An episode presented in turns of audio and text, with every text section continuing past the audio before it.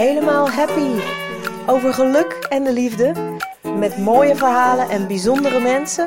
Mijn naam is Sandra Chaudron en je bent van harte welkom.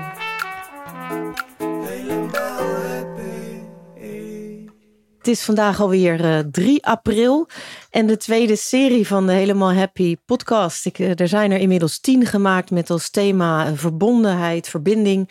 En de tweede serie heb ik besloten, heeft als thema vrijheid natuurlijk een zeer actueel thema momenteel. En betekent heel veel voor mij. En ik mag verwelkomen Patrick Kikke, radio, DJ, podcastmaker ehm, ja, een heleboel eigenlijk, Patrick. En uh, ik ben heel erg blij uh, dat ik in jouw podcast uh, te gast heb mogen zijn. En nu ben je bij mij te gast. welkom, Patrick. Ja, dankjewel. Het was een mooi gesprek wat we voor Leven zonder Stress hebben opgenomen. Dus, Absoluut. ja, nu zitten we een beetje in elkaars vibe, hè? Ja.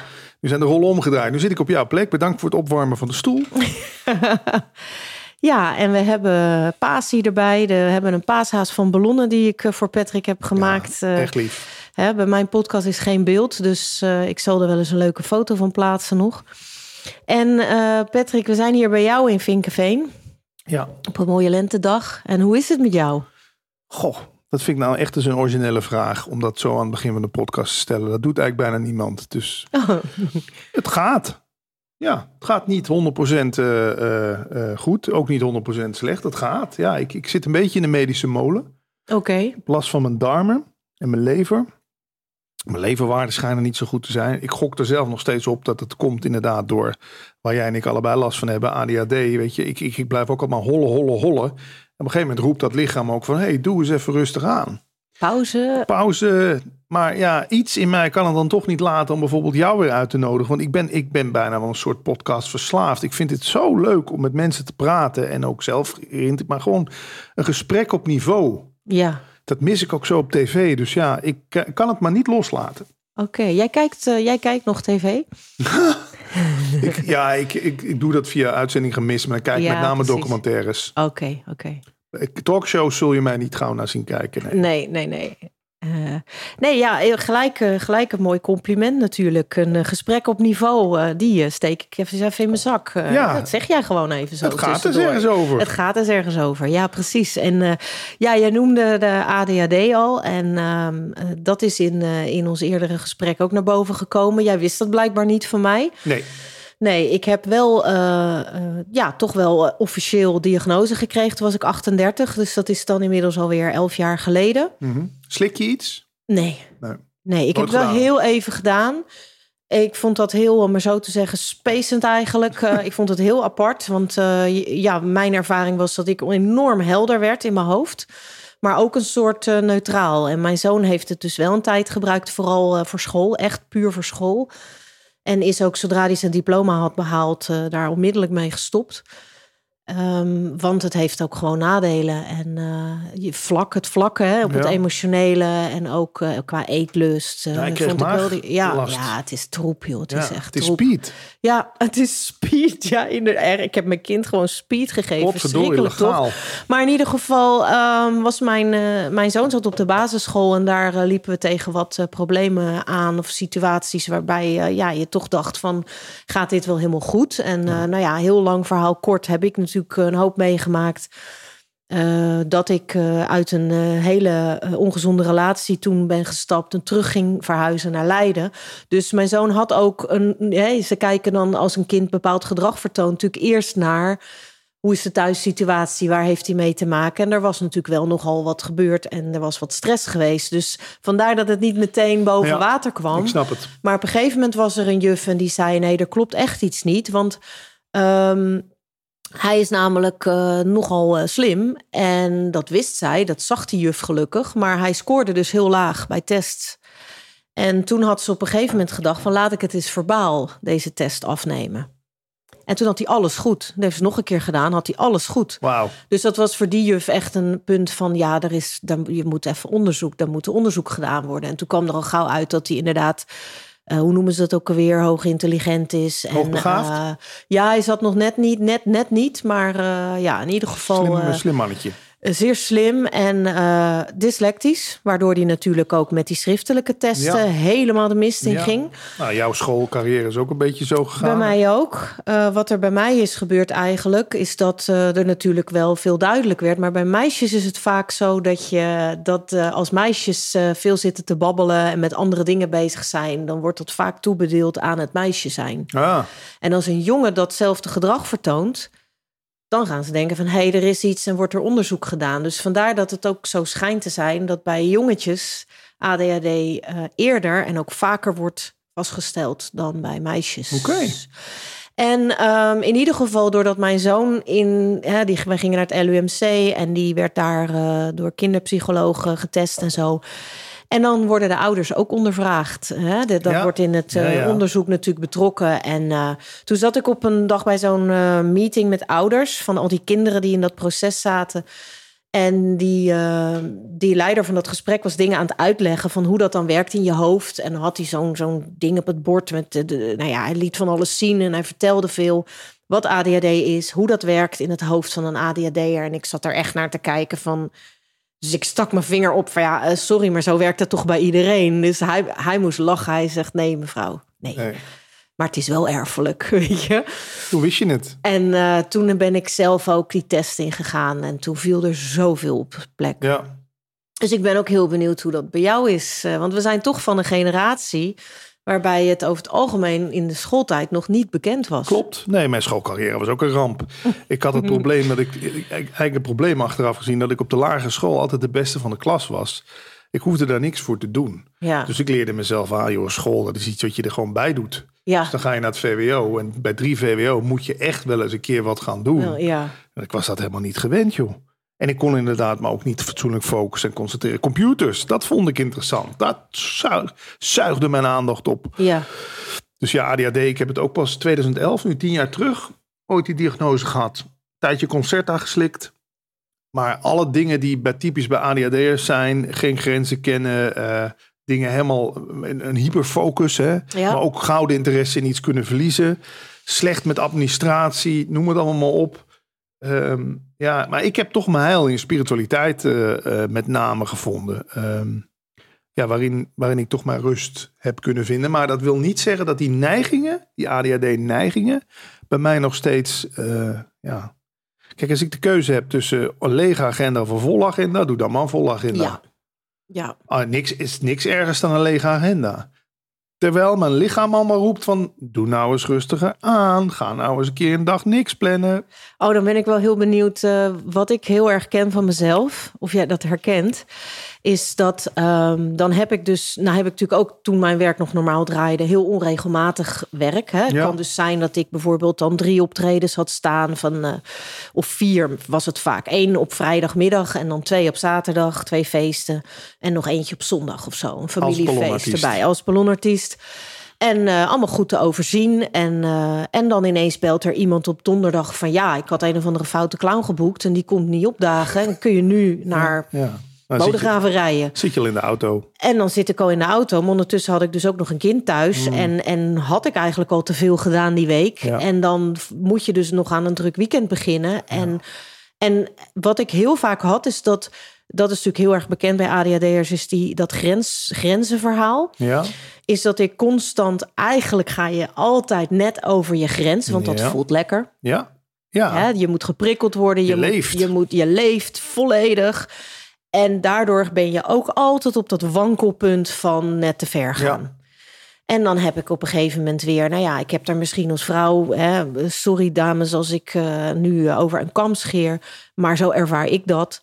Um, uh, dat ik dan uh, heel emotioneel word. Ik zeg altijd, dan krijg ik de jankeritis. Als ik, als ik over mijn grens ga, te moe ben, ja dan, dan kan ik echt gewoon huilen omdat de koffie op is of zo. Dan weet ik meteen van, oh, ik ben te ver gegaan. ik ben oververmoeid. Ik uh, ga het niet meer trekken. En uh, ja, ik heb dan inderdaad gelukkig uh, daar, dan komen we weer bij mijn yantra uit. Want die geeft niks, mag best. Ga maar lekker huilen omdat de koffie op is, joh. prima. Ja. En daar niet meer over oordelen. En dat dat er ook gewoon mag gebeuren. Dat heeft mij enorm veel rust gegeven. Maar uh, wat ik bedoel is, waar ik nog steeds mee worstel. Het is nu minder, omdat ik het gewoon eh, minder werk heb.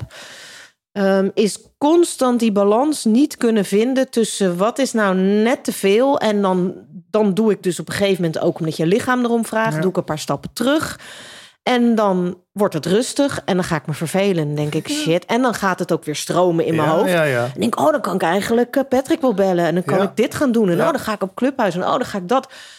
En dan vervolgens denk ik weer, oké. Ik weet het. Want dan kom ik in. En pas als het al te veel is... Ja dan kom ik erachter dat ik te veel gepland heb. Ja. En zodra het te weinig wordt, krijg ik jeuk en word ik onrustig en moet ik weer meer dingen. En gaat ook die creativiteit weer stromen. Ja. En dan word ik er gelukkig van om die afspraken te maken en die nieuwe dingen weer aan te gaan. En zo heb ik ook een periode, dus heel streng voor mezelf, gewoon zeg niks meer, niks meer, niks meer. Nou, ik werd er doodongelukkig van. Ik weet het, ik zet iedere maand wel weer, dan peil ik weer 1 mei. Zeg ik 1 mei, is ook volgens mij dag van de, nou, dat is 5 mei, dag van de vrijheid. Maar in ieder geval, 1, vanaf 1 mei sabbatical zet ik dan in mijn agenda, weet je wel.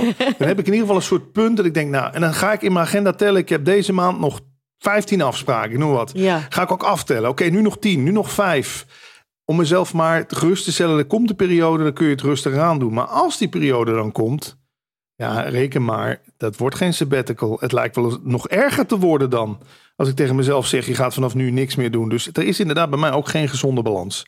Nee, want je zou ook denken, het is ook nogal overdreven van een volle agenda of niks doen. Ja, maar dat ben ik. Ja, oké, maar laten we dan eens proberen daar een tussenweg in te vinden. En dat lukt nee, gewoon lukt niet. me ook niet. Nee, nee, nee, nee, Want voordat ik het weet ben ik dan weer drie afspraken op een dag aan het doen. En, en ik geniet daar dan ook zo van. Ja, totdat je gewoon de volgende dag merkt dat, uh, dat ik gewoon uh, veel te ver ben gegaan. En, uh, maar ja, ik, ik heb eigenlijk, nu ik mezelf voor praten, daar best wel goede balans in gevonden. Ja? Want ik luister heel erg naar mijn lichaam. Mijn lichaam is me toch wel, noem ik toch wel mijn tempel. Dus op het moment dat mijn lichaam, ja, ik kom eigenlijk al niet eens meer zo ver. Dat mijn lichaam moet gaan aangeven van uh, je moet echt gaan remmen. Ja. Nee, nee, nee, nee. Nou, dat is voor mij nu eh, voor het eerst. Vroeger was het gewoon uit het zich in, uh, nou ja, stommiteiten. Weet je, bijvoorbeeld dat apparaat waar wij nu die podcast mee opnemen, dat was er bijna niet meer geweest. Want ik was gisteren of eergisteren, kom ik bij mijn vriendin vandaan. Ik haal dat, zit normaal in een tas. Ik zet die tas naast de auto neer en ik loop gewoon naar binnen. Dat ding heeft gewoon een hele nacht gewoon een apparaat van 500 euro in een tas gewoon naast de auto gestaan. Gelukkig heeft het niet geregend die nacht, anders was, had ik hem ook weg kunnen gooien. Ja. ja, dat gebeurt me zo vaak. Dan heb ik een kaartje met allemaal interviews. Stop ik het in de, in de camera. Wist ik het gewoon. Gewoon wist, weet ik waarom ik het doe. Weet je, en dan zit je jezelf, natuurlijk, wat jij ook zegt, eerst dat je denkt, hoe kan dit nou weer? Maar dat is voor mij ook een signaal dat ik denk, ja, je bent gewoon weer over je grens aan het Je bent gewoon te veel aan het doen, ja. dit, dit.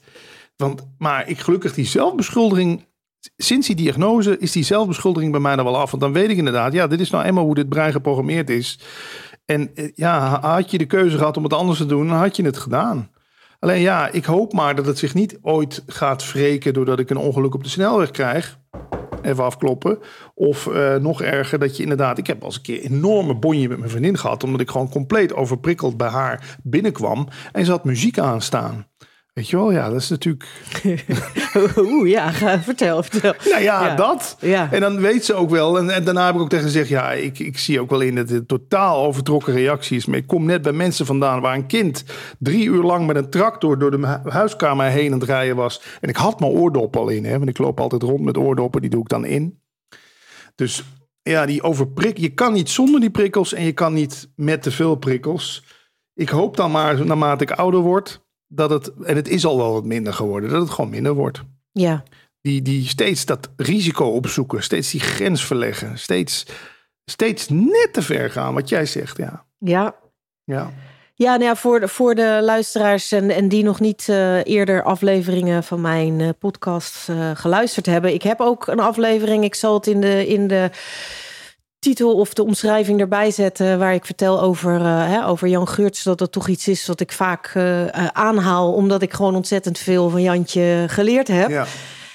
Um, want dat, dat accepteren, het gaat natuurlijk over zelfacceptatie. Maar als jij dus nog niet weet, um, ja, ik zeg altijd, weet je, als jij zegt je hebt ADHD, weet je, ik, ik wil dat altijd een beetje vermijden. Het is niet wat je bent. Of, uh, Maar ja, goed, als jij dus uh, wel eens van kijk, dat is wat er speelt, vind ik altijd mooier om te zeggen. Want het is gewoon een bepaalde manier van hoe jouw brein werkt. Ja. Want wat jij ook zei over school. Hè, even, want ik, ik ga nogal, dat heeft er ook mee te maken, vaak van hup van het een naar het ander. Ik wilde zeggen over Jan Geurts van het, het geeft niks, mag best. Wat ik me Jantra noem laat maar even. Is de acceptatie van als je dus weer die deur hebt dichtgetrokken en die sleutels liggen binnen. Of ik kon bijvoorbeeld hebben dat ik uh, contant betaald krijg op feesten. En dan krijg ik dus echt 350 euro in mijn handen gestoken. En op een gegeven moment word ik dan midden in de nacht wakker daarna. En dan denk ik, oh. wat heb ik nou met dat geld gedaan? waar is dat? Geen idee. Nou, gelukkig ook even kloppen is het me nog nooit uiteindelijk gebeurd dat het weg was. Maar wel dat ik het dus uiteindelijk onder mijn autostoel terugvind of zo. Omdat het dus gewoon tijdens het uitstappen... dat ik het op mijn schoot had liggen. Of dat soort debiele uh, acties. Maar dat ik mijzelf niet meer veroordeel daarover. dat is al heel Het is zoals het is. Ik ben zoals ik ben. Maar ik heb dus ook heel erg lang... totdat ik mijzelf helemaal accepteerde zoals ik in elkaar zit uh, stond mijn leven gewoon in het teken van om goedgekeurd te worden door de oh. mensen om mij heen. En dat is gewoon, daar word je, daar word je heel ongelukkig nee, van. Nee, dat lukt ook niet. Want je hebt al zoveel verwijten gehad. Ik tenminste als kind. Mijn vader zei heel vaak tegen me, waarom ben jij toch zo? Oh, ja. Verander toch een keer. Als jij zo doorgaat, ga je naar een kostschool. Of ga je bij Jaapie wonen, zei hij dan. Dat was iets uit de commercial uit die tijd. Je gaat naar Jaapie toe dan ga je dus al heel gauw denken, inderdaad, er is iets mis mee hebben. Dus dan krijg je die diagnose. En dan denk je, hè, hè. Komt dus, het heeft dus met die, met die dopamine, serotonine te maken. Je brein en de opname daarvan. En bla, bla, bla. En, maar, ik bedoel, kijk eens wat jij voor je smoos gemaakt hebt. Kijk eens hoeveel mooie radioprogramma's ik gemaakt heb. Allerlei gekke acties die ik verzonnen heb. Boeken, vijf boeken uitgebracht. Podcast gemaakt, dat is een van de eerste het heeft ook gewoon zijn positieve kanten. Dus ja, ik zou het ook niet willen missen. Nee, nee, nee, precies. Ik zeg ook altijd mijn werk dat ik als Bloenie doe. Uh, ik heb bijvoorbeeld wat ik heel gaaf vind, is dat uh, mensen zeggen wel eens van hoe doe jij dat? En denk ja, dat is gewoon, dat komt gewoon door hoe mijn brein werkt. Want ik heb dus, moet je voorstellen, een publiek voor me staan als ik op een uh, wat, wat drukker feest ben, die kinderen komen als vliegen op de stroop op mij af zodra ik een ballon opblaas. En die ouders, die heb je dan vaak van, uh, het ligt gewoon aan de setting even hoor, maar stel even dat het een openbaar iets is, op een festival of zo. En die ouders die staan daar dan van, ja, nou ja, mijn kind wil echt heel graag een ballon, dus ik blijf hier ook staan. Maar die krijg je al heel gauw dat die het dan super gaaf vinden. Van denk, oh, maar zij kan het wel heel goed. Dus dan staan ze toch wel gefascineerd de hele tijd te kijken. Maar ik kan dus, dat is soms heel nadelig, maar ook in mijn voordeel in dat geval, ik kan alle gesprekken horen wat er in mijn publiek. Dus ik heb al lang gehoord wat dat kind al drie keer aan zijn mama heeft gevraagd. ik heb haar reactie ook gehoord. Ik kan dat allemaal gebruiken in op het moment dat dat kind aan de beurt is. Ja, dan weet je al iets. Ik weet de naam van het kind oh, al. Ik weet al wat hij het liefst wil. En dan weet ik al dat de moeder heeft gezegd van... nee joh, niet om een dino vragen, want dat kan ze vast niet maken. Want zij denkt dat ik dat niet kan. En dan zeg ik uh, als eerste op het moment een kind aan de beurt is... en die staat met grote vragende ogen... en dan zeg ik, hey Marietje... Wat voor een dino zou je nou het liefst willen hebben? Nou, ja, dan is dat is gewoon. Ja, dat maar vergeet dat ze nooit echt, meer. Nee, maar dat is echt omdat ik. Ja, dat is een kwaliteit. precies. En dat is omdat ik ADHD heb, kan ik supersnel denken. Maar ja, het is ook vaak heel vermoeiend. Want je, ik zei het wel eens van dat, zo zie ik het dan voor me als dat filter. Wij hebben dat filter niet. Komt allemaal binnen. En het schijnt dus, ik weet niet hoe dat is, maar dat andere mensen dat dus wel hebben. Ja, die kunnen zich focussen. Ja, nou dat, dat weet je dus wel. Want als wij die hyperfocus, als we daarin zitten, dan, dan, dan kan ik dus wel. Maar goed, dan hoor je ook weer helemaal niks meer van wat er om je heen gebeurt. Hoe heb je dat met geluid? Heb jij, als ik nou de hele tijd zo zou zitten, zo.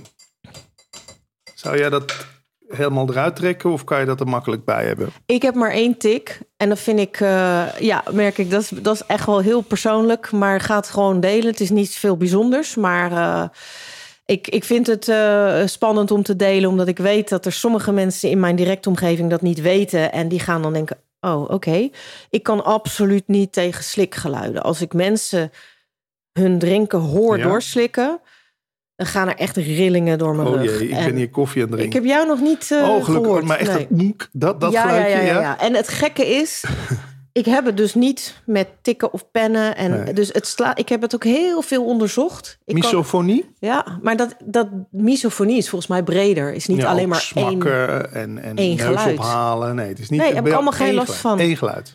Ik weet, er zijn mensen die hebben problemen met iemand horen ademen of... Uh, eh, maar het is wel echt heel veel minder geworden in de afgelopen jaren. Dat wel. Je gaat je telefoon straks vergeten. Ik ga hem, uh, want hij ligt nee, daar. Nee hoor, die vergeet ik niet. Daar ben ik mee vergroeid, dus dat komt wel goed. Oké, dat komt uh, goed. Ja, ja. Maar, maar in ieder geval, ja, ja dat, dat is... Nee, ik heb dat niet met andere geluiden. nee, dat, dat, dat stoort mij niet. Dus heb jij, jij hebt dat wel? Nee, ja... Nou, mijn moeder kan bijvoorbeeld niet de vaatwasser gaan uitruimen als ik in de buurt ben. Dat, nee, dat kan niet, dat geluid. Dat, uh, maar dan hebben we gewoon gevonden. Dan ga ik, de, ik doe er ook bij mijn vriendin thuis. Ik doe de vaat, ik ben chef vaatwasser. Ah, Omdat ik, want als ik het zelf doe, heb ik er geen last van. Ja. Zo leer je. Maar kijk, het feit dat ik hier, dat mijn vriendin en ik alleen wonen, jij woont ook niet samen. Ik denk wel dat dat iets met dat ADHD te maken heeft. Want ach man, ik kan ook al in paniek raken als de pudding op een andere plek in de koelkast teruggezet wordt. Weet je, ik, ik, probeer, ik probeer overzicht te houden. Ja. Dan kan je zeggen, ja, zo opgeruimd is het hier toch niet? Nee, maar voor mij is het duidelijk hoe hier alles staat. Ik Jij weet, alles precies te alles te vinden, ja. ja, ja. En als je met iemand samenwoont, oh god, ik heb het hier een paar, ik heb het twee je keer het, geprobeerd. Je hebt het wel, je hebt het wel geprobeerd, ja. Nee, dat is niks voor mij, joh. Want dan kan ik inderdaad gewoon, ik kan van hele gekke dingen, kan ik gewoon eh, van slag raken. Omdat je al zo'n drukke binnenwereld hebt en zo vol met ideeën zit. En dan denkt iemand, nou, ik, ik help hem eens even. Ik ga die stapel boeken, ga ik eens even in de boekenkast zetten denk ik, ja, maar ah, die lagen niet voor niks zo. Ja. Dit is namelijk de stapel boeken die ik nog moet weggeven, ik noem maar wat. Of die ik nog moet lezen, of die nog uh, teruggebracht moeten worden. En dan ga jij dat in de boek en dan word ik helemaal... En dan word ik... maar andersom heb ik ook, weet je, weet je waar ik bijvoorbeeld rustig van word? Ik heb van die tasjes die je normaal gebruikt als je gaat picknicken. Ja. Nou, ik heb één tasje, daar zitten gewoon wat lekkere dingetjes in, met koekjes en wat snickers en zo. Maar ik heb ook een tasje met allemaal kabeltjes en, en dingetjes en, en, en, en frutseltjes en zo. En als ik dan onrustig ben, kiep ik dat om. Ja. En dan ga, ga, ik het weer allemaal terug in het tasje doen. Oké. Okay. Oh, dat is ook een leuk kabeltje. Oh, die had ik ook nog. Oh, dit stickertje is handig. Ik heb me dat als kind ooit aangeleerd met Lego. Dan als ik onrustig was, boem, alle Lego op de grond. En dan gewoon sorteren op kleur. En weet je wel. Oh, heel ik, slim. Ja, ja, ik heb mijn tactiekjes om mezelf rustig te krijgen. Ja, mooi. Ja, dat is heel mooi. En la, la, kijk, volgens mij ieder mens heeft wel iets. En ja, ADHD'ers, Einstein was een ADHD'er. Volgens mij uh, Vincent van Gogh ook. Heel veel grote creatievelingen. Het, het kan zijn with geweldig leuke ja. mensen. Ja. Komt daarmee. Kijk, ik, ik, jij en ik kunnen ook gewoon uren nog doorlullen. We vallen niet stil. Dat is natuurlijk ook omdat een brein constant op ideeën, associaties heeft, op ideeën komt. Dan weer die weg, dan weer die vraag. Dus ja, ik vind ADHD'ers op zich hele, hele leuke mensen. Alleen ja, je wordt ik, met slapen. Hoe gaat dat met jou bijvoorbeeld met slapen? Want ik heb vannacht ook tot een uur of half drie lukte het niet. Ja. En dan luister ik maar steeds dezelfde podcast om moe te worden. Ik heb okay. ja, vast, vaste podcast. Ja. Met mooie, rustige stemmen. En ik weet wel, ja, dat slapen, dat is natuurlijk wel een ding. Want als je maar zeven uurtjes geslapen hebt, is het toch moeilijker te verwerken allemaal, al die prikkels, ja. toch? Ja, nee, slapen gaat heel goed. Ja? Ja. Acht uurtjes? Ja hoor. Oh. Langer ook als, als ik moe ben. Geen pillen? nee, nee, nee, nee, nee. Ik gebruik helemaal geen medicijnen. Nee. Nee, nee, dat heb ik volgens mij ook nooit. Ja, het is wel zo dat als ik met iets in, in, in, in, in mijn kop zit, van als ik me ergens druk over maak, Ja. dan eh, gaat het niet gebeuren, inderdaad. En dan kan ik ook hebben dat ik. Ik ben moe, dus ik val in slaap. Maar dan word ik dus gewoon eh, na ja, wat gemiddeld een, eh, voor een eh, middagdutje staat of een eh, Ja. nap, weet je wel. Dan word ik dus na een half uur, 40 minuten wakker. En dan ben ik klaar wakker. En dan, eh, maar dan zit ook meteen dat, dat malen, dan zit dat ding weer eh, van ja, iets waar ik gewoon eh, heel erg tegenop zie. En dat morgen of overmorgen moet gebeuren. Of, of ja. Dus, dus eh, als ik niet kan slapen, is het echt omdat ik eh, in mijn hoofd zit. Ja. ja. Dus Daar heb ik dan ook weer een remedie voor. Ik, ik kijk zo'n 500 documentaires per jaar. Minimaal twee per dag, soms drie. Ik heb dan geleerd de aandacht zeg maar daar te leggen. Hè. ja, En dan kan je zeggen, ja, dan zit je naar een scherm te kijken. Ja, maar ik ga helemaal op in die wereld daar in Brazilië... waar heel veel eh ja, drugsgerelateerde zit je moorden... niet in je hoofd. zit ik niet in mijn eigen, Nee. eigen space. Dus dat helpt mij. En dus wat ik zeg, eh, vaak dezelfde podcast terugluisteren, daar word ik rustig van. Alsof er iemand op het randje van je bed zit voor te lezen uit een boek wat je al honderd keer gehoord hebt. Ja, Mooi. ja zo leer je Ja. jezelf maar allerlei dingen aan. En het, zolang het onschuldig blijft. Ja, nou ja, ik heb het eh, voor het gaat voor mij dus eh, kom ik steeds op terug op het zelfacceptatie, weet je wel, en, en en eigenlijk van acceptatie van alles, maar ja, we zitten vaak eh, toch met onszelf in de knoop. En of je wilt dan dat het anders is of dat je, dat je wel zou kunnen slapen. En dan ga je jezelf weer druk lopen maken over het feit dat je niet slaapt. En nou ja, dan denk ik ook weer van, geef niks mag best, lig ik een keertje wakker. Nou, prima dan, weet je wel. en, en, vaak val je dan dus wel in slaap. Als je eenmaal gewoon accepteert. Het prima is dat je niet kan slapen. Ja. Ik, ja. Dat, dat, heeft volgens mij Alexander Smit wel eens gezegd. Een man waar ik veel bandjes van geluisterd heb. Hij leeft helaas niet meer. De jaren negentig overleden. Hij zei, er, is eigenlijk maar één, er zijn eigenlijk maar twee problemen op de wereld. Of je wil iets dat er niet is. Of je wil iets niet dat er wel is. Ja. Daar is alles toe te herleiden. Ja. En als je inderdaad gewoon net zoals Eckhart Tolle zegt... gewoon in, net als moeder Maria zo stond in de overgave met haar handen. Zo van, wat, wat komt, dat komt. Ja. Que sera, sera. Whatever will be, will be. Dat... Ehm, ja, dat, dat helpt mij ook wel hoor. Ik bedoel, ik, uh, ik, ik heb me er lang geleden bij neergelegd hoe ik ben. En met alle maar hoe dan, hoe dan? Daar ben ik wel benieuwd naar. Want het is wel makkelijker gezegd dan, gedaan. Dat vind ik wel mooi om daar even aandacht aan te besteden. Want bij mij is het dan mijn uh, geef niet uh, mag best verhaal. Dat ik van, van, vanuit uh, hè, dat verhaal van Jan Geurts over zelfafwijzing en dat hele proces, hoe dat werkt. En waar dat vandaan komt en hoe je daar ook mee om kan gaan. Ja, daar heb ik gewoon heel veel, heel veel van geleerd. ja. En, uh, maar hoe, hoe uh, ja. Ja, hoe doe je dat?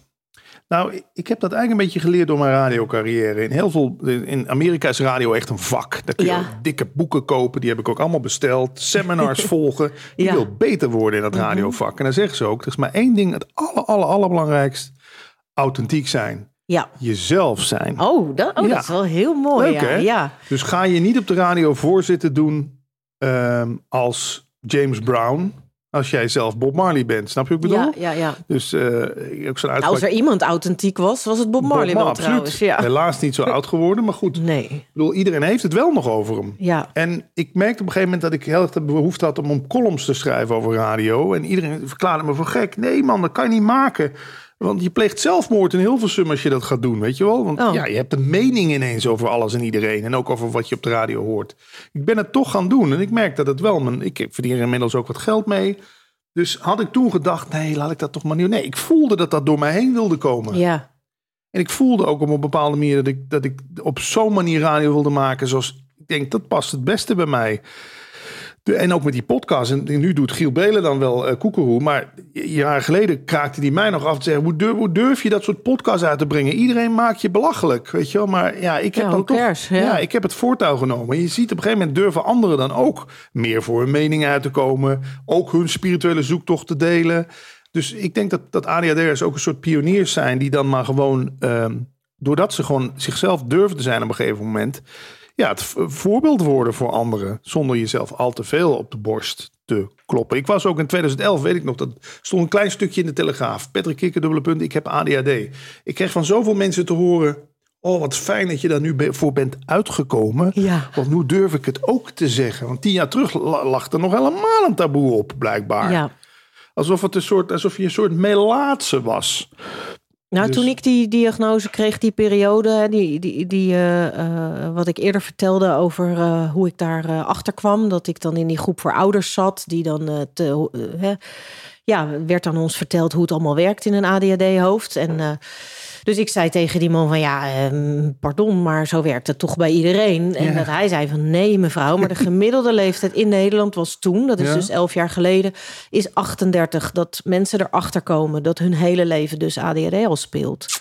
en dan vallen al die puzzelstukjes op zijn plek. Dat je ineens denkt van oh ja, en daarom dit en daar, oh toen dat. En ja, natuurlijk trok ik dat toen voor geen meter. En uh, vandaar dat ik dat en dat trekje heb of zo. En dat dat maar niet wil lukken. Of dat ik daar zo ontzettend goed in ben. Weet je wel? Dat, uh...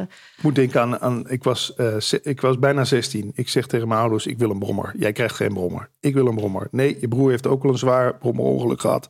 Dat gaat met jou ook mis. Je krijgt geen brommer. Net zo lang zeurde ik een brommer kreeg. Vier weken later, na mijn brommer, lag ik in het ziekenhuis. Ja. Auto-ongeluk, vier weken het ziekenhuis gereden, aangereden van rechts. Mijn ouders wisten het, maar ze kregen het toch op de een of andere manier niet uit mijn hoofd gepraat. Hè? Dus ja, ja, schrammen, butsen, ongelukken, ruzies op de snelweg ook. En als me dan iemand, weet je wel, niet te langs liet of zo, weet je wel. Ja. En mijn podcast heet natuurlijk niet voor niks Leven zonder stress. En ik doe er dan een leven met ADHD, maar vooral stress.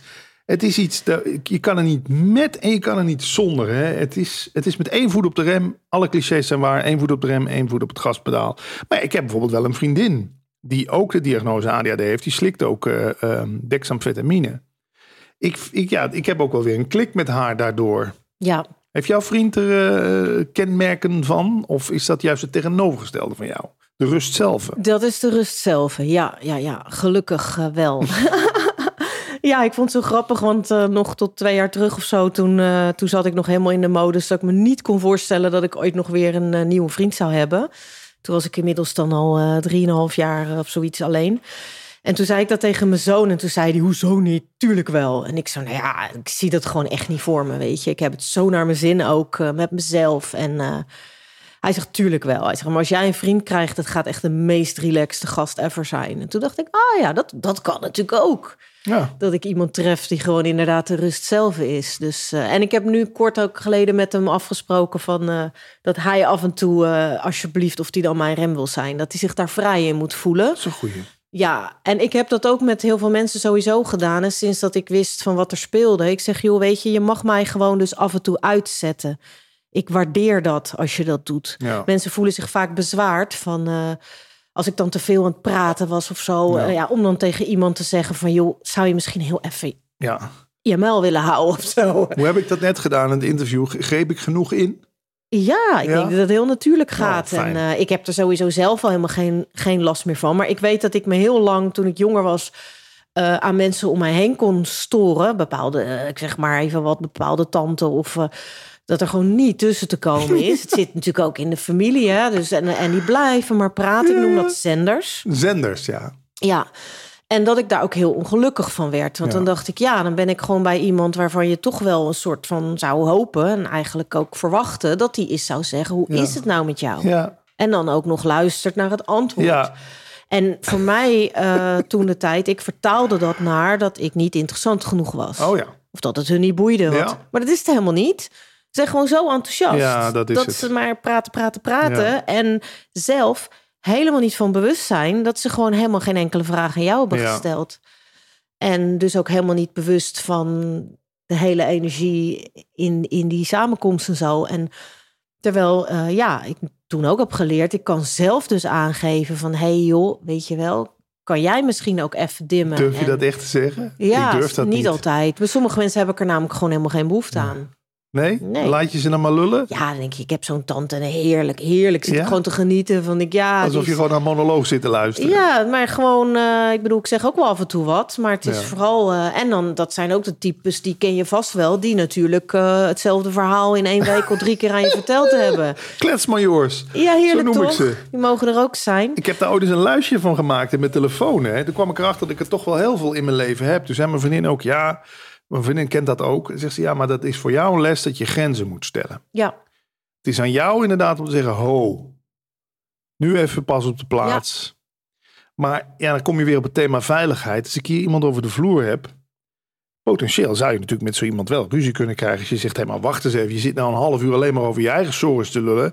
Zou je niet ook eens vragen hoe het met mij gaat? Ja. Ja, dan kan diegene natuurlijk ook boos om worden. Hè? Ja, nou, geef niks, mag best. Ja, ja precies, geef niks, mag niet. Die Jantra. Ja. Jans mantra. Maar ik wil uh, ja, jou toch ook nog wel even vragen. Ik ben wel benieuwd oh, uh, over, uh, over de vrijheid. Want, Dat is het thema, vrijheid. Ja, ik ben heel benieuwd. wat, wat, wat, wat, is, wat, wat is vrijheid voor jou? Wat, heel belangrijk thema. Ja. Want ik heb het overal ingezocht. Ik dacht eerst dat het zat in nou, dan beginnen we even mijn kindertijd. Dan denk je eerst vrijheid zit in dat ik naar de middelbare school ga. Ja. Want dan ben ik eindelijk van dat kinderachtige gedoe af, noem maar wat. Dan kom je op de middelbare school, dan denk je inderdaad... vrijheid is dat ik mijn eigen brommer krijg. Dan denk je vrijheid is dat ik mijn rijbewijs heb. Nee, blijkt toch ook niet helemaal te zijn. Dan is vrijheid op jezelf gaan wonen. Oh ja, ja, ja. ja, Blijkt toch ook wat haken en ogen aan te zitten. Dan is vrijheid uh, bij de landelijke radio terechtkomen. Ja, is gelukt. Dan is vrijheid de beste uren bij de landelijke radio krijgen. Ja, ja, ja. ja. Dan is vrijheid financiële vrijheid. Heel veel werken, zodat je zo snel mogelijk... Ik heb dit huis van spaargeld kunnen kopen. Dat is natuurlijk fantastisch. Is ook vrijheid. Maar toch ben ik erachter gekomen dat die vrijheid die we zoeken dat dat iets van binnen is. Dat dat precies dat is waar jij steeds naar wijst. geeft niks, mag best. Dat je ondanks de omstandigheden toch gewoon content kan zijn met wat er is. Ja. En er zijn boeken van, hè, van mensen die dat gevonden hebben in Auschwitz. Zo'n beroemde psycholoog. Die gewoon in Victor heeft. Frankl. Victor Frankl. Die gewoon inziet, de omstandigheden, die bepalen toch niet of ik me vrij voel of niet. Nee. En oeh, daar komt iets moois. Hè? Want mijn vriendin is ook steeds aan het kijken op Funda. Dan zegt ze, oh, dit zou mooi zijn. Want dan kan mijn paard naast het huis staan en hebben we geen buren. En zegt, schat, geloof me, het is elf jaar jonger, dus ze zit ook nog een beetje in die zoektocht. Die vrijheid zit hier, je zit van binnen, dat is niet dat lijkt door de omstandigheden te komen. En ik weet dat ik makkelijk lullen heb met mijn huis van spaargeld en geen vaste 9 tot 5 baan. Maar toch, je kent ze wel. Die mensen die ondanks dat ze en dan een flirtbaantje hebben waar ze helemaal, ja, gewoon wat ze maar gewoon doen, die toch iets uitstralen van, ik ben helemaal lekker content. Ja. In de, dus niet in het oog van de storm, zeggen ze ook wel eens. Jij zit in het oog van de storm. Om je heen kan van alles gebeuren. Ja. Stormen, wind, orkaankracht 10.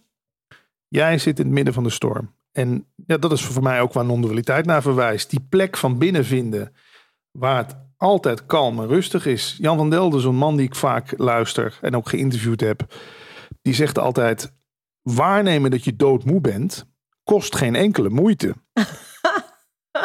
dat is een mooie. Dat is een hele mooie, ja. Dus er is iets in ons wat het ziet. Dus een soort, een soort noem het, Paul Smit noemt het uitzoomen achterste stoel, zo noemt Jan van Deldet, waarin je een soort naar dit toneelstuk zit te kijken. Ja, dat is wat Abraham Hicks heel vaak zegt. Het uh, enjoy the movie. Eh, Just lean back and enjoy the movie. Relax. Weet je wel? Ja, je bent de waarnemer. Dat is. Uh... En daar gaat vrijheid voor mij over. Die plek in jezelf hervinden. Die we als kind eigenlijk ook kenden. Als kind maak je volgens mij ook geen onderscheid tot een jaar of drie tussen jouw handjes en de handjes die je daar Klopt, ziet. Ja. We worden op een gegeven moment in dit lichaam gedwongen, als het ware. Hè? Dan ben jij ineens dit lichaam en dit persoontje. Je gaat helemaal, ja, je voelt je ineens afgescheiden van de rest. Ja. Dat voelt heel benauwend en gevangen.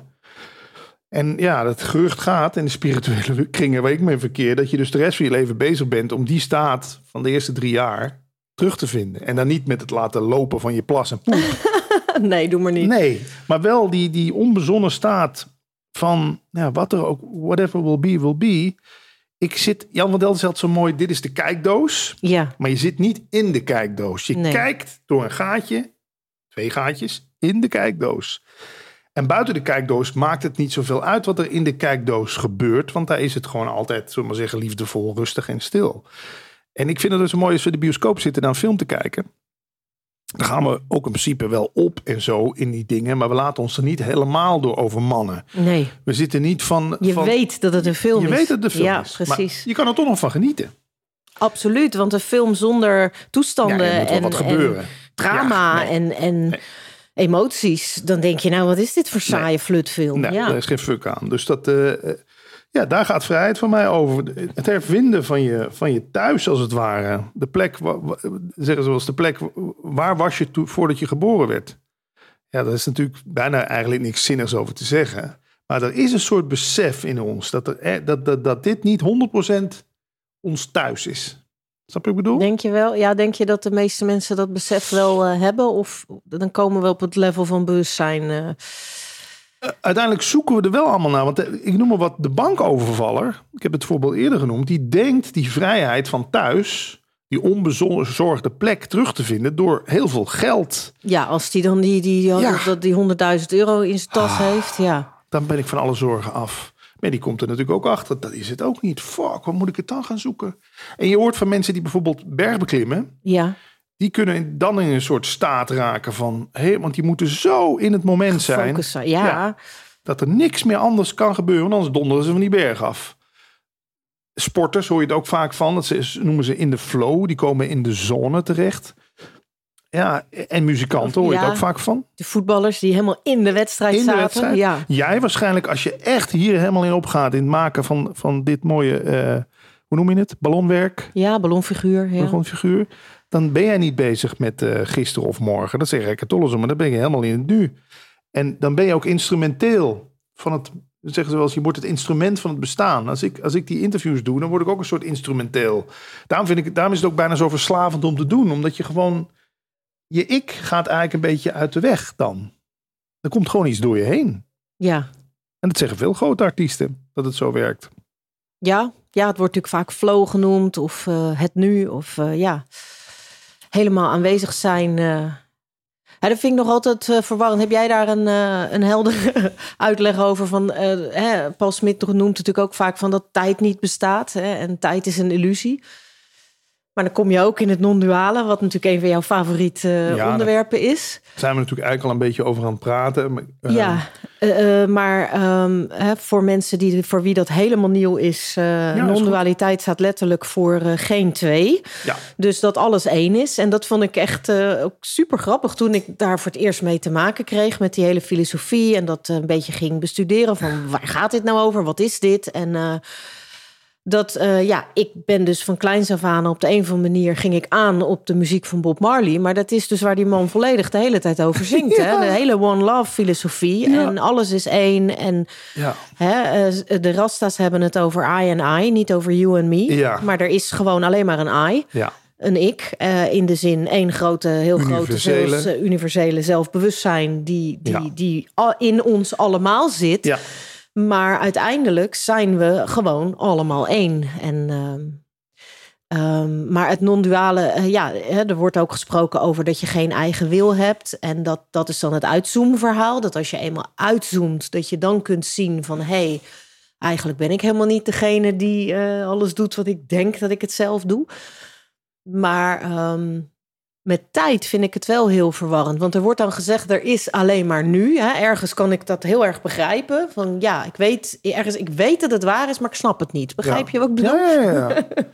ja je hebt zo'n vergelijking met, je hebt de, de, de horizontale uh, Tijdlijn, niveau, ja, zullen we zeggen, waarop, waarop je gemiddeld als mens leeft. Hè? Je wordt hier geboren, je gaat daar dood en ertussendoor. Daartussen mag je leven. Dat is een uitspraak van mijn vader trouwens. Ja. Maar je hebt ook nog het verticale niveau, weet je wel? En dat snijdt als het ware eh, door dat heen. Daar, daar, daardoorheen speelt zich zeg maar zogenaamd die film af. En ja, als je er dan vanuit gaat... Het snijpunt is het nu of zo? Ja. Ah, oké. Dus net als een naald op een plaat. De plaat draait zeg maar, maar die naald blijft eigenlijk feitelijk op dezelfde plek. De plaat draait ja, ja. En onder de plek door. Ja, En zo wordt in de non ook gezegd: je bent nog nooit ergens naartoe geweest. Nu verschijnt Vinkenveen in jou. Ja. Straks als je in de auto zit, moet je ook maar eens opmerken. Dan reist eigenlijk de wereld door jou heen. Ja. Het lijkt wel alsof jij je verplaatst. Maar feitelijk, als je het 180 graden omdraait, verschijnen de dingen constant door jou heen. Als het ware, jij bent die, die waarnemer, dat bewustzijn van deze plaat die zich afdraait, zullen we maar zeggen. Ja. En dat heb je in, uh, waar heb je dat nou? Indianen riepen dat ook altijd. Die zeggen niet, nee, jij verschijnt niet in de kamer. De kamer verschijnt in jou. En toen ik dat voor het eerst hoorde, dacht ik ook, wow, zo kun je natuurlijk ook naar de wereld kijken. Dit verschijnt allemaal in mij, maar dan moet dat wat ik ben, moet toch iets enorm groots zijn. En dan kom je er dus in onder de tijd achter dat niet alleen ik verschijn in de wereld, jij ook. En dat het dus allemaal een, een, een soort droomfiguur zijn. Dat, dat het ene eigenlijk dit ligt te dromen en doet alsof het uh, Sandra en Patrick is. En ik weet, daar kan je denken, ja, daar heb je toch een dagelijks leven niks aan. Bij de bakker ga je toch niet ja, zeggen... dat is precies wat net door mijn hoofd ging. Zo van, ja, maar waar, waar gaat dit nou allemaal? Dan wat heb je iedereen maar voor. En dan is het van, ja, uh, ja dit, dit absolute bewustzijn wil brood. Nee, dan zeg je ook gewoon, ik, ik brood, is ook een illusie Ja, ook een deze tafel ook. Ja. Maar uiteindelijk helpt het mij wel door de zaak eens wat minder serieus te nemen. Een van mijn sites heet ook luchtigleven.nl. Is een beetje lucht in dat leven te brengen. Nou, dat past wel weer heel mooi bij, uh, bij die ballonnen. En dan weet je ook, want er zijn wel eens mensen die zeggen: Hé, geef jij ook mensen die voor een podcast komen nog een goodie bag? Uh, die, die krijgen toch voor jou al je tijd en je vraagt geen geld voor die podcast en je geeft ze bereik en bekendheid. Ik zeg ja, maar ik, het voelt voor mij gewoon leuk om te geven. Want ik weet eigenlijk, geef ik het aan mezelf. Ja, ja. ja, dat is net wat jij mij vroeg over. Dat aan mij werd gevraagd: wat doe je als eerste als je een hoop geld krijgt? En dat ik gelijk over mijn zoon begon. Van dan ga ik zijn studieschuld ja. afbetalen en ik ga zorgen dat hij weet ik veel wat allemaal wat hij zou willen hebben. Maar dat is gewoon, dan zeg je ja, maar dan, dan zou je dus niet. Nee, maar dat doe ik voor mezelf. Want als ik hem blij zie, daar word ik zo ongelooflijk gelukkig van. En je kan het toch ook niet meer volhouden dat jij je zoon zelf gemaakt hebt. Dat vind ik ook zo mooi. Zo'n kind ontstaat in jou. Dat groeit, dat krijgt vanzelf handjes en voetjes. Het komt eruit en dan zeggen we vanaf het moment dat we die navelstreng doorknippen, zou het ineens geen onderdeel meer van jou zijn. Dat, dat, dat, Ja, dat, natuurlijk is het in het verhaal een op zich staand individu, wat, waarvan we doen alsof hij eigen keuze heeft, vrije wil. Maar op een ander niveau is het gewoon één verschijning die allemaal uit het ene ja, ontspringt, zullen we maar zeggen. Ja. Het, en dat geeft mij een heel gerust gevoel. Want daardoor kan ik jou ook volledig gelijkwaardig zien aan mij. En kan ik mezelf ook met de voet op de grond houden. Dat ik niets bijzonderder ben dan jij. Want ik ben toch gewoon hetzelfde. En ook niet minder bijzonder nee, ook Niet, ook niet kleiner. ook niet kleiner. Totale gelijkwaardigheid. Daar gaat vrijheid voor mij ook over. Ja, oh, dat is wel heel erg mooi. Ja. Ja. Daar hebben we niks meer op te houden. Dan kunnen we onze wapens neerleggen. Ja. Want waarom zou ik met jou een gevecht gaan? Dan doe ik mezelf toch iets aan. En daarom heb ik nu ook bijvoorbeeld vandaag dat we dit opnemen, is Mark Rutte ligt enorm onder vuur, onze minister-president. Je kan er van alles over zeggen wat je wil. Natuurlijk heeft die man fouten gemaakt. Maar ik zei als een van de weinigen op Twitter ook, zeg, kunnen we er ook even rekening mee houden dat die man ook een enorm raar jaar achter de rug heeft. ik kan me ook, ik probeer ook altijd de andere kant van het verhaal te zien. En dat wil nog niet zeggen dat als hij weg moet, ja, dan is dat de beweging dat hij weg moet. En dan zal het voor hem ook wel op de een of andere manier weer goed komen. Maar ik, ik ben niet zo meer van het, van het beschuldiging op de persoon omdat hij ook maar gewoon energie in beweging is. Ja, ik vond een hele mooie uitspraak. Uh, ik, ik heb heel lang. Uh, de, de, dat is nog steeds een van mijn levensmotto's van de Be Kind, always. Hè, wees gewoon vriendelijk, altijd. Uh, en en de, de, gedachte daarachter is, je weet iemand zijn verhaal niet. Mm. En toen las ik ergens, um, uh, je weet niet waar iemand vandaan komt, maar toen, toen wat, kwam daar ergens, waar, las ik daar nog een toevoeging aan. Van, en zelfs al zou je iemand zijn verhaal weten, wie ben jij dan om daar iets van te vinden of, of over te oordelen, dat vooral. Uh, want je weet nog steeds niet hoe die persoon het ervaren heeft wat het, je weet zijn pijn niet. Je weet zijn, zijn ervaring gewoon niet. Dus wat dat betreft, uh, maar goed, het is, een, het is een, een, een soort reflex die in ons allemaal zit om ergens iets van te vinden en het in een hokjes te plaatsen. En uh, dat, dat moet ook of zo. Dat is toch ook, uh, ja, Paul heeft daar wel een heel mooi, uh, die kan het altijd zo mooi uitleggen mhm. over hoe dat werkt in je brein. Dat dat gewoon een bepaalde functionaliteit is van je wil gewoon dingen moeten ergens. oh, dat is goed, dat is slecht, dat is gevaarlijk, dat is, dat is veilig. Het is uh, energiebesparing voor je brein. Ja. Dat we het allemaal snel kunnen schakelen en kunnen typeren. En het heeft inderdaad heel veel met veiligheid te maken. Ik moet jou meteen kunnen klassificeren in veilig, onveilig. Ja, dat vooral. Dat is de basis die, die aan het hokjesdenken ligt, inderdaad. En, maar ja, zodra, zodra je dat eenmaal doorziet, kun je dat dus ook er laten zijn en loslaten. En ik vind wel met, met non-dualiteit, wat, wat ik van meer mensen hoor die het kennen, in ieder geval zich er enigszins in verdiept hebben, is dat je, wat jij eerder al noemde, te maken krijgt met de gedachte van ja, wat maakt het dan allemaal eigenlijk nog uit? Want blijkbaar is alles een illusie en niks is echt. En uh, ik, doe, ik heb helemaal geen controle. Dus het maakt helemaal niet uit of ik uit mijn bed kom of niet. Maar probeer het maar eens. Dat is het leuke. Het lukt jou niet om de hele dag in bed te liggen. Echt niet. Je zal toch moeten plassen. Weet je wel, je laat het toch niet zomaar lopen.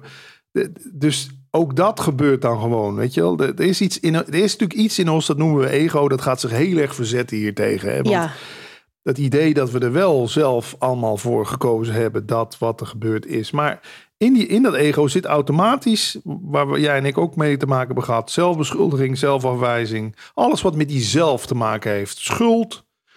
En ik kies dan toch, dan is het de keuze die we wel hebben, is kies je voor angst. Ego eigenlijk, zelf, zelfkritiek, zelfbeschuldiging, of kies je voor liefde. Ja. En liefde zegt van, dit had allemaal niet anders kunnen gaan dan hoe het gegaan is. Dat is de cursus in ook. Hè? Dat is, ik, heb, ik heb pogingen gedaan door dat boek. Maar Pittig, ik ben, nou ja, dat is. Maar in ieder geval, dat, wat ik het mooiste daaruit heb gehaald, is toch het uh, uh, dat, dat alles of een uiting van liefde is, dat wat je werkelijk bent, of het is een schreeuw om liefde. Ja, een roep om liefde. Ja. Een roep om liefde, ja. En als je dus- zo ook naar mensen kunt kijken die, die, die bij wijze van spreken enorm staan te tieren of enorm gefrustreerd zijn ja, vaak als je iemand even een hand op een schouder legt of zo, kalmeert hij ook helemaal meteen. En je maakt even die verbinding. Dat heb je met dieren ook. Ja, ik weet niet, het is iets. Ja, maar ik ken dat. Ik weet, iedereen gaat wel door zo'n fase heen dat je denkt, ja, wat, zal ik, wat zou ik dan nog? Daar hebben ze ook een naam voor. Dat noemen ze de Advaita Shuffle. Ja. Daar, daar gaat je hoofd ermee aan de haal. Zegt van, nou, doet er toch allemaal niks meer toe. Of ik die vrouw wel of niet aanrand. Of dat ik wel of niet geld heb. Maar dat is een soort, ook wel een beetje, eerst sloeg je helemaal door naar die kant, dat het er allemaal heel erg toe deed. Ja, ja, ja. Dan sla je door naar die andere kant, niks doet er meer toe. En dan kom je hopelijk daarna in het midden uit, waar het gezond is. En je ook gewoon nog kunt doen alsof. Ik bedoel, vrije wil is ook gewoon een collectieve afspraak die we met elkaar hebben. Als jij nu hier een raam inslaat, dan ja, bellen we jouw verzekering, ik noem maar wat. Dan gaan we niet zeggen, ja, het kon toch niet anders. Er zit geen doener in uh, Sandra. Nee. En uh, dit, dit kon niet anders dan hoe het gebeurd is. Nee, dan doen we wel gewoon eventjes.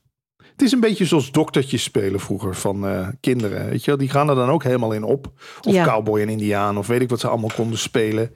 Die, en dan doe je zo en dan heb je een pistool. Kijk, wij als volwassenen denken, ja, maar je hebt toch helemaal geen pistool. Maar voor een kind is dit een pistool. Ja. Een, een wijsvinger en een duim. Ja die kunnen zich daar nog helemaal in verdromen, zullen we maar zeggen. Als we dit dan gewoon eens zien als een verdroming. En als je, ik vind het wel lekker dat ik een beetje afstand daarvan kan nemen. Dat inderdaad als een blauwe envelop in de, in de bus viel vroeger. Dan zat de adem al in mijn kelen. Hè? Dat ik van thuis uit geleerd. Als er iets van de belasting komt, paniek. Dan is het gewoon een brief waarin staat: u moet btw-aangifte doen. Ja, en dan heb ik me daar zo. ja. heb je hem twee dagen laten ja, liggen? Van je, ik ga hem niet oh. openmaken. Oh, wat hebben we nu weer aan de fiets hangen? Ja, precies. De verslaving aan drama. Dat, heeft Jan, dat zou nog een mooie titel zijn voor een nieuw boek van Jan Geurt. Verslaafd aan drama. Want. Verslaafd aan denken is ook een uh, heel interessant boek. Ja, ja. Dat zie ik aan mijn vader. Die voedt zichzelf ook alleen maar met programma's als Opsporing Verzocht, Kassa, uh, Tros Opgelicht, weet ik hoe het allemaal heet. Ja, en die eh, is nu op zijn 71ste, zit hij depressief thuis. En vind je het gek? We hebben hier niet allemaal al die jaren dat drama wat je als een soort spons hebt opgezogen. Maar, daar moet ik inderdaad ook weer zeggen, daar, daar heeft hij toch geen keuze in gehad. Dat is blijkbaar zijn pad. Ja. Ja. Dat, weet je, dat zegt Kunst en Wonder ook. Je vader is eigenlijk al thuis. Het lijkt alsof hij lijdt. Ga hem nou niet zien als patiënt en zielig en depressief. En daar help je hem niet mee. Blijf, blijf hem zien als soort perfecte uitdrukking van het ene bewustzijn. wat niet anders had kunnen zijn dan die is. Ja. Dan verandert het. Als, op zijn tijd dan, zeg maar. Net als de seizoenen en het gras dat groeit. En ja, zo gaat eigenlijk alles vanzelf. Ook dit gesprek. Ook dit gesprek, inderdaad. Ja, want uh, dit is mijn eerste aflevering, eerste gesprek, de elfde dan. Hè. Ik ben natuurlijk net begonnen met de podcastactiviteiten. Uh, dat ik helemaal geen uh, voorbereiding heb. Ik heb wel vanmorgen je Wikipedia-pagina oh. nog even gekeken. Zo van, ja, dan weet ik in ieder geval iets. Maar ja, wat ik daarop zag, dat had ik al eerder gelezen je, je, je, hè, wat jij eerder al zei, van eh, je hebt een ochtendshow een tijd gedaan en toen kreeg je dan middaguren. Nou, er zijn dan uren die je dan liever hebt als uh, radiopresentator of een bepaalde show die je dan hebt. En dan uh, ben je elke vrijdagavond op de radio. En uh, ja, maar. Um, nou, wat mooi is om daar nog over te zeggen, als ik dat mag. Als je terwijl de buurman lekker gaat klussen. Als je nou het universum, zomaar zeggen, als één groot uitzendbureau ziet, hè, dan was ik toen nodig op die plek, daar bij de radio. Nu ben ik blijkbaar hier nodig in dit gesprek. Maar het kan best zijn dat ik volgende week weer bij de radio nodig ben. En zo ben jij morgen op een feest nodig. En volgende week bij een callcenter. En de week daarna sta je uh, op het podium voor 10.000 man op de Dam in Amsterdam. Als we vieren dat de corona achter de rug is. Ja. Snap ik bedoel? Het, het, het, het, het bestaan plaatst jou eigenlijk steeds als een soort pion op plekjes. En als je dat, je kan dat inderdaad zien als iets van, gadverdamme, dan ben ik dus maar overgeleverd aan de goden, hè, om het maar even zo te zien. Maar het heeft toch ook iets, voor mij heeft het iets heel troostends en iets heel moois. Ja, dat heb ik ook juist. Het is juist waar mijn helemaal happy gevoel vandaan komt, dat ik ineens denk van, oké, ik hoef dus gewoon helemaal niks te doen. Ik hoef alleen maar te genieten en me te verwonderen. En beschikbaar te zijn. En, ja, en, en ja. Ja, nou, vooral eigenlijk genieten en verwonderen. Dat is wat ik. En dat kan ook zijn dat ik. Ja, ik heb dus uh, vorig jaar is dat geweest een ervaring gehad dat ik. Uh, en, en, en ja, sorry, het klinkt een beetje grof, maar dat ik echt gewoon zwaar ziek, enorm kotsend boven een campingtoilet in Frankrijk uh, hing. En dat ik ineens echt een soort bijna hardop moest lachen. Dat deed ik niet, omdat het midden in de nacht was en tentjes eromheen en zo. Maar dat ik ineens er echt, echt die ervaring had van zelfs nu ben ik gelukkig. Ja, hier. En, en, en dat is dus niet dat ik. Want dat horen mensen vaak van ja, tuurlijk, jij bent zeker nog gelukkig als je. Hè, want wij hadden iets gegeten, er was iets in het water van dat, dat château waar wij, dat landgoed waar ik met een vriendin eh, aan het kamperen was. Want iedereen werd ons beurt ziek. ziek, maar echt van dat je niks meer binnen kan mm. houden. En twee dagen als een vaatdoek in het gras lag. En nou ja. En, maar dat ik op dat moment die ervaring had van... Ja, dit gebeurt nu. Ja. Maar dat maakt niet dat ik minder gelukkig ben of zo. En, en terwijl ik wil heel graag dat dit stopt. ik wil heel graag dat ik me morgen weer fit voel. En ik had nog twee dagen in Frankrijk. En dat ik nog eventjes hè, nog even zo'n uh, leuk dorpje kon uh, bezoeken of fijn kon gaan wandelen. Dat ik weer wat energie zou hebben. Ja. Maar tegelijkertijd kon ik ook afstand nemen van die staat waar mijn lichaam in was op dat moment.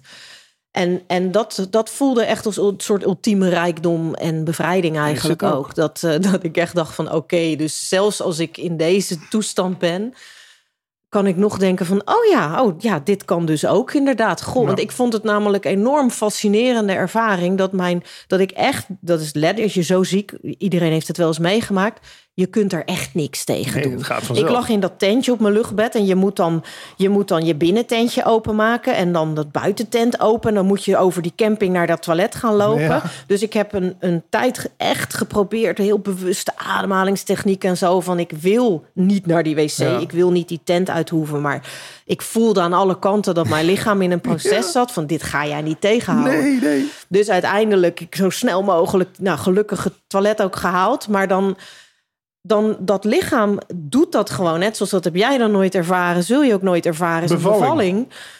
Dat lichaam doet dat gewoon. En het, het grappige is dat ik blijkbaar op een onbewust level wel bezig was. En ik weet nog steeds niet waarom. Ik heb wel vermoedens, maar ik wilde blijkbaar niet dat mijn zoon geboren werd. Oh. In de zin, ja? ik wilde hem nog bij oh, me houden. Bij jou, ja. En dat is wel grappig, want ik denk dat dat komt dat er op een gegeven moment... Uh, ik heb tot aan mijn zwangerschapsverlof toen nog bij McDonald's gewerkt. Ik zat daar in dat managementteam. En dat een van mijn collega's, een manager, tegen me zei van... ja, geniet ervan, hè. Want je kind gaat nooit meer veiliger zijn dan waar die nu zit. Oh, en bedankt. En dat creëerde bij mij dat besef van... oh ja, als hij er eenmaal uit is, kan er dit gebeuren, dat gebeuren. Kan ik hem kwijtraken? Kan ik met mijn ADHD iets fout doen, waardoor dat kind, weet ik veel waar terechtkomt in de problemen. Maar dat er dus heel onbewust tijdens die bevalling iets was dat ik het een soort tegenhield. Ja. En toen zei die verloskundige op een gegeven moment tegen mij, toen kwam, want je lichaam, die weeën, die komen gewoon. Ja. Dat hou jij helemaal niet tegen. En toen zei die verloskundige, als die bij de volgende wee niet komt, gaan we naar het ziekenhuis. En toen dacht ik, fuck echt niet. Ja. En toen werd hij geboren. Ja. Binnen drie minuten. Jan van Delden stelt altijd van die mooie vragen aan je. Groei jij je haar nog? Huh? Long je nog? Groei jij je nagels? Weet je? Ja. Dat, om aan te geven, kijk, als ik nu dit zeg, ik, ik drink. Ja. Ik zeg ik slik, maar daarna zeg ik niet. Ik spijsverteer, ik darm. Pas als het eruit komt, zeg ik weer ik plas. Dus dit hebben we al van geaccepteerd. Dan gaat een mondje geneest volledig vanzelf. Tranen, uh, vochtige ogen krijg je ook allemaal, allemaal vanzelf. Maar we hebben inderdaad gewoon geleerd van alles wat zich blijkbaar hier buiten afspeelt, dat doen we zelf. Ja, ja maar en dat blijkt dus niet zo te zijn. Als je dat ziek is wordt, eigenlijk... geboorte, uh, dood. Kies, maar eens je volgende gedachte. Dat is ook zo mooi. Kan niet. Kie... Nee, nee kies er plopt iets op. Ja. Ineens. Ja, en die, die keuzevrijheid, ja, dan komt het toch weer neer. Kies je voor angst, kies je voor liefde, kies je voor overgave of kies je voor verkramping. Maar ook dat gebeurt weer vanzelf. Ik vind het toch altijd heel geruststellend. En eh, ja, ik heb dan geen bevalling meegemaakt, maar ik weet wel, als ik naar het toilet moet, dan moet ik naar het toilet. Ja, precies. En als ik wil, als ik wil poepen, lukt het niet.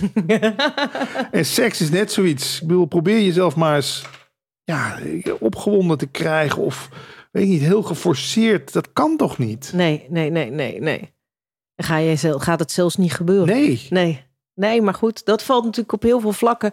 Ja, en ik heb dus, ik heb dus geen idee trouwens hoe lang we bezig zijn. Kan je dat ook zien? Oh, we zijn, uh, je bent denk ik, nou, je bent nog niet een recordhouder. Oh. Ik denk dat de recordhouder is nu de Sander de Kramer. Die zat uh, in aflevering 8. Mag ik dat over?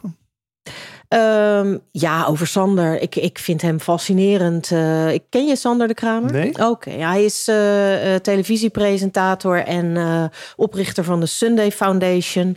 Een Rotterdammer in hart en nieren. Oh, en die heeft in Sierra Leone is hij op een dag als voor een reportage voor de Telegraaf, geloof ik, ging hij naar Sierra Leone. En toen, nee, hij is daar, hij kwam daar de kinderen tegen die in die diamantmijnen zaten. En zij zagen dat hè, vanuit eh, de auto waar ze langs reden. En hij zei, ik ga die kinderen eruit halen. En we zijn inmiddels iets van 15 jaar verder. Maar hij heeft dus echt al die kinderen uit die diamantenmijnen oh. gehaald. En scholen gebouwd. En, uh, Ja, dat is een heel, heel bijzonder mens. En ehm, hij heeft een heel cool boek. Ik vind ik echt een geweldig leuk boek. Want hij heet dan in Sierra Leone is hij uiteindelijk ook de eerste witte man die daar tot chief is gekozen. Want ah. burgemeesters van verschillende districten heten chiefs.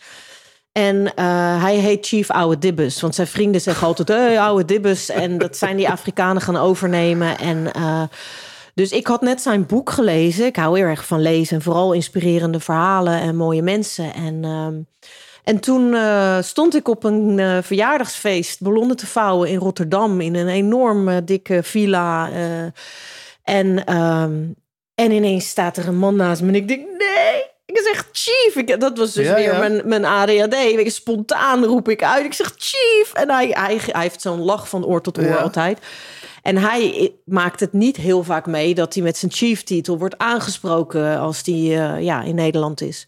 Maar ik had net het boek gelezen, dus uh, ja, heel leuk gesprek gehad voor zijn zoontje. Een hele grote giraf van ballonnen gemaakt. En, uh, dus toen heb ik, uh, toen ik de podcast begon, gedacht van... Ehm, ik moet Chief hebben. Ik ga hem gewoon vragen. En toen zei hij binnen 20 minuten, zei hij ja. Wat leuk. Dus Die ga ik luisteren. om terug te luisteren. Ja. ja. hele interessante, boeiende man die die echt iemand is, hij bedenkt iets en dan is het eigenlijk al gaande. Dan, dan, dan, dat is ook niet tegen te houden. Ik weet niet of je dat ook herkent trouwens.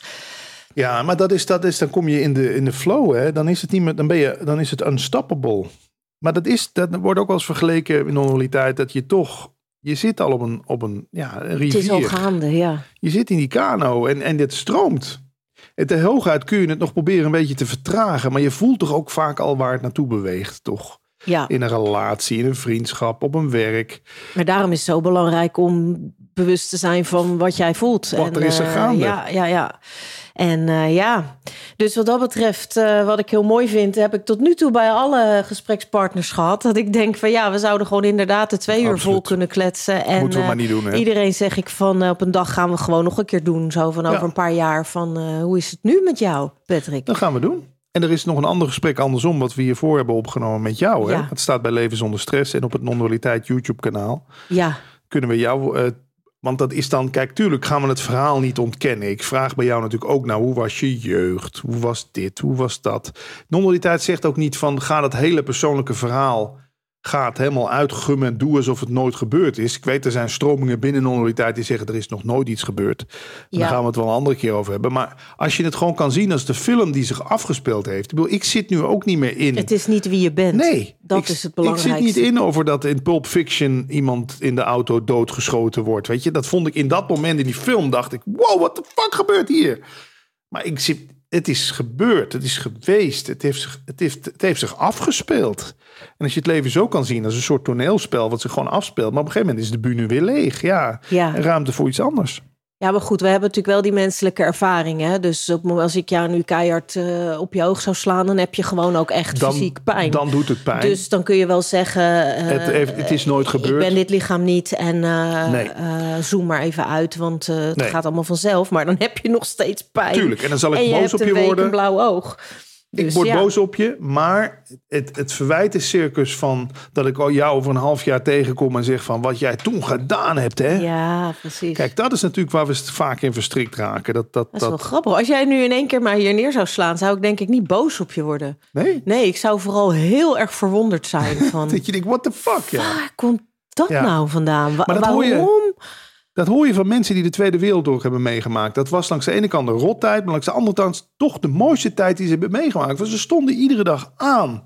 Je wist nooit wat er ging gebeuren. Nee, ja, dat hoor ik ook. Want ik weet niet of jij eh, eh, Edith Eger kent, maar dat is dan, eh, daar heb ik ook een, een, een, een aflevering wat over verteld.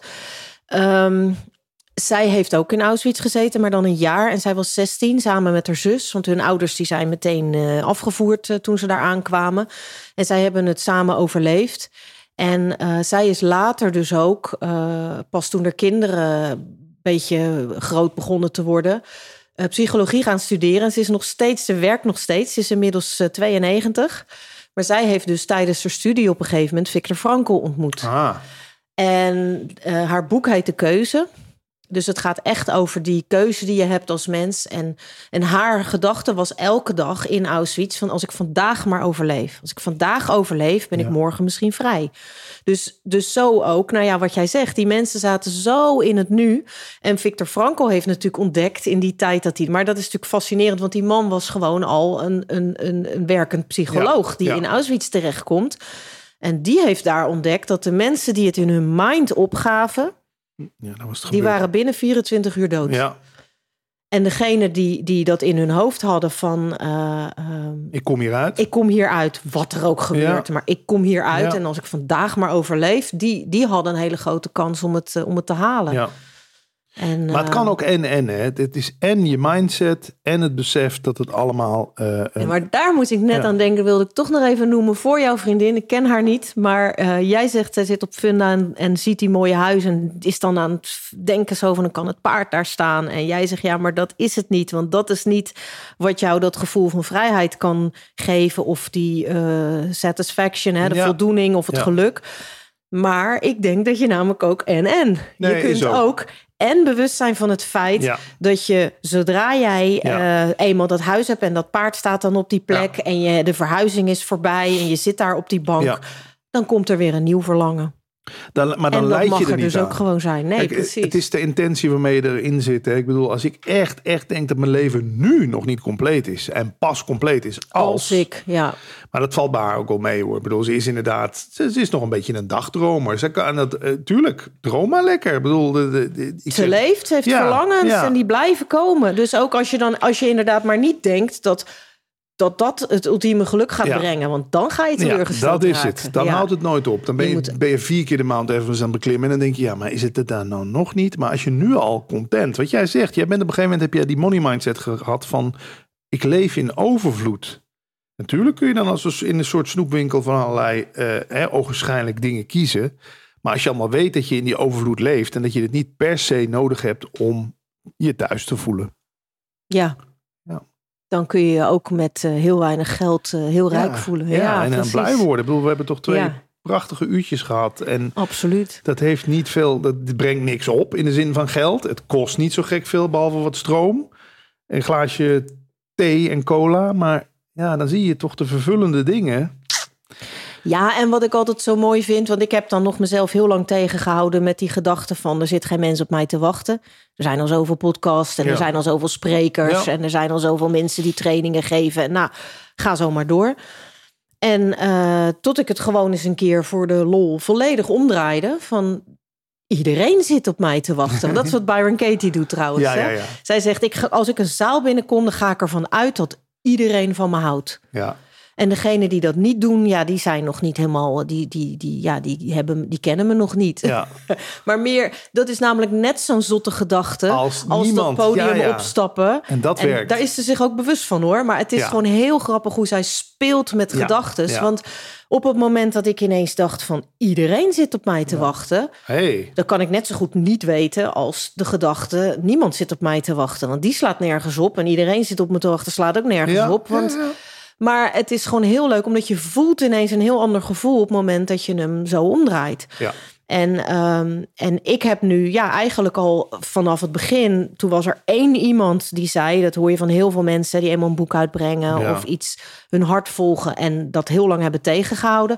Dan krijg je van één iemand een heel klein complimentje en dan ineens weet je gewoon van, je wist het al, maar dit klopt. Dit is waarom ik dit ging doen. En, uh, en dat heb ik nu ook, want denk ja, je weet het allemaal niet wat er allemaal weer uitkomt. En daar doen we het niet voor, maar het was wel heel erg leuk. Vond ik ook. Echt dus, uh, leuke ontmoeting. Heel veel uh, dank. Jij ook. En um, ja, wij gaan op weg naar aflevering 12 en ik heb geen idee wie er dan komt. Ik heb wel een vermoeden, maar misschien zien wij elkaar ehm, over een paar jaar weer terug en dan ben ik heel benieuwd. Ik ook. En bedankt voor Pasi. Voor Pasi, onze ballon.